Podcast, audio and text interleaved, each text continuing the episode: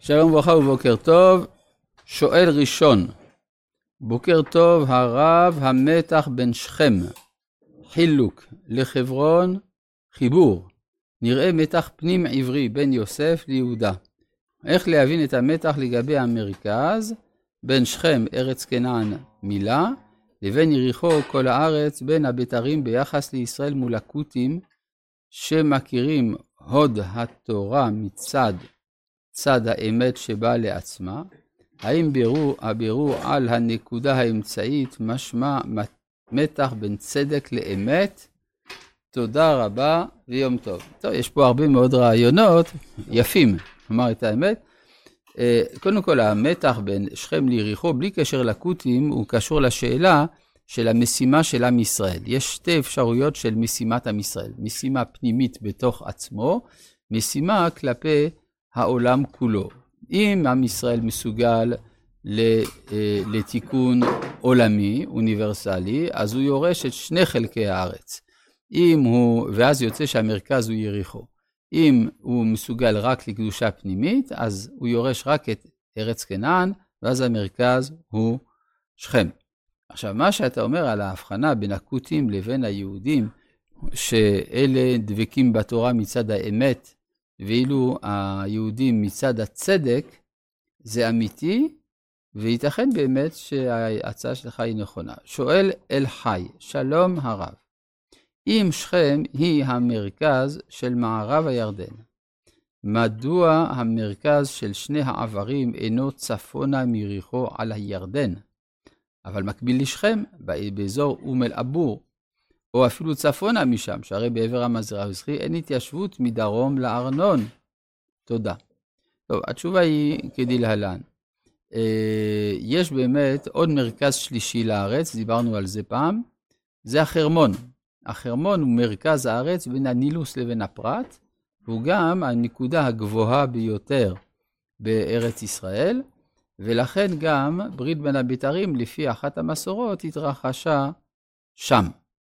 עכשיו, אה, למה דווקא הירדן? כי אה, מדובר פה אה, בנקודה הנמוכה ביותר בעולם. כי הרי יריחו צמודה לים המלח, ים המלח המקום הנמוך ביותר בעולם, ולכן אפשר לומר, וזה גם לפי הארכיאולוגים, העיר הראשונה בהיסטוריה. אז יש שם צד של, כמו שיש נקודה מרכזית בארץ כנען שהיא המרכז הגיאומטרי, יש גם נקודה טופוגרפית שהיא הנקודה שהכל מתנקז אליה, כלומר הנקודה הנמוכה.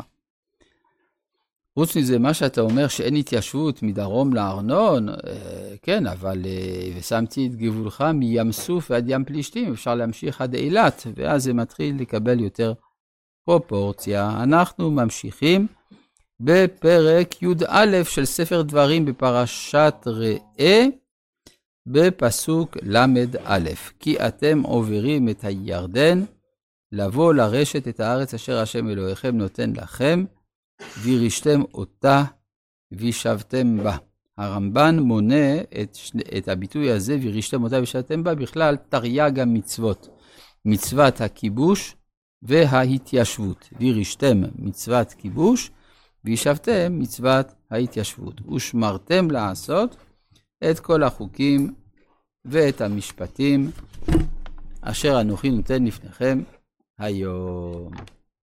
עכשיו, אה, עד עכשיו זה היה בבחינת אה, כיצד אנחנו צריכים לנהוג כלפי עצמנו. עכשיו, מה עושים עם יושבי הארץ שישבו לפנינו? זה שצריך להילחם בהם ולהחרימם, זה אנחנו יודעים, אבל מה עם כל התרבות שלהם? בשביל זה יש פרק י"ב. עכשיו, פרק י"ב עוסק בנקודה מאוד משמעותית, והיא קדושת המקומות. זה נושא לא פשוט, אה, כי יש בזה אה, גישות שונות. למשל, אה, אברהם השל, בספרו בוני הזמן, סבר שקדושת המקום היא דבר זר ליהדות. נכון שיש בית המקדש, נכון שיש ארץ ישראל, אבל כל זה בדיעבד, בגלל חטא העגל, אז התורה התחשבה בחולשתו של האדם והביאה גם לקדושת המקום. דברים האלה קשים מאוד לקבל אותם מצד פשוטה, פשוטן של הרבה מקראות, כגון זה שמיד אחרי המעמד הר סיני כבר יש ציווי על המזבח, למרות שלא היה, שלא היה אה, חטא העגל. אבל, אה, אבל בכל זאת יש כאן איזושהי שאלה באמת של היחס אל קדושת המקום. אנחנו נראה את זה מתוך הכתוב, מה יש לדייק משם. אלה החוקים. כן, הבטחה לאבות, אז זה לא קדושה של מקום, זה הטענה שלו, כן? טוב, אבל אנחנו נראה באמת איך, איך, מה הכתוב אומר בדיוק על זה. אלה החוקים והמשפטים אשר תשמרון לעשות בארץ, אשר נתן השם אלוהי אבותיך לך לרישה כל הימים אשר אתם חיים על האדמה. אז מה צריך לעשות? אבד תאבדון את כל המקומות אשר עבדו שם הגויים אשר אתם יורשים אותם את אלוהיהם, על הערים הרמים ועל הגבעות ותחת כל עץ רענן. אז בואו נשים לב לדבר חשוב. התורה מצווה להשמיד את כל השרידים, כל מה שהיה מקום לעבודה זרה. אבל אם זה, איך עושים את זה? צריך לשבור את המצבות, לשרוף את הפסלים, אה, לכרות את העשירות, זה אנחנו מבינים. אבל מה זה לאבד מקומות? אבד תאבדון את כל המקומות. וכי אפשר לאבד מקום? כן? ואז זה נוגע ל, ל, לשאלה מהם המקומות שבהם עובדי עבודה זרה עבדו. זה לא סתם. אנחנו מבינים שהמקומות שבהם עובדי עבודה זרה עבדו, היו מקומות עם אנרגיה, עם אנרגיה קרקעית גדולה.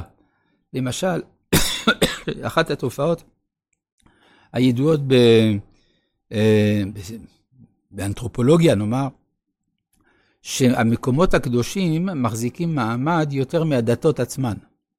הרי אפשר לראות בכל מקום שבו יש מסגד עתיק, יש אה, שרידים, אה, היסודות הם אה, שרידים של כנסייה ביזנטית, שבדרך כלל בנויה על, על בית כנסת קדום, ומתחת לזה, או, או לאו דווקא בית כנסת, אבל לפעמים גם רואים שרידים של מקדש פגאני קדום, ואם חופרים מלמטה רואים משהו פרה-היסטורי, איזה מעיין או משהו כזה.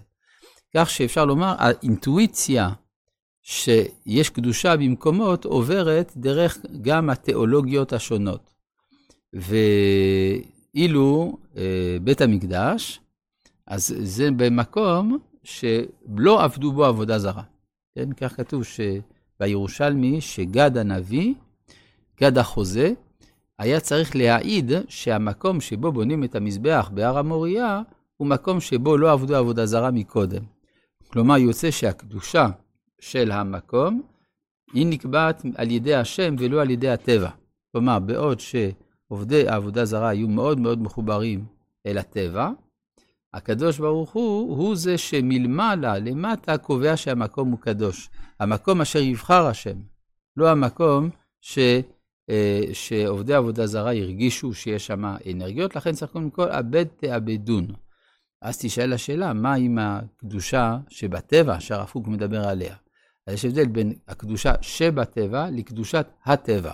עובדי אלילים נתנו קדושה לטבע, ואילו התורה מגלה שיש קדושה נסתרת בתוך הטבע, וזה משהו אחר לגמרי. בואו נראה את הדברים בתוך הכתוב.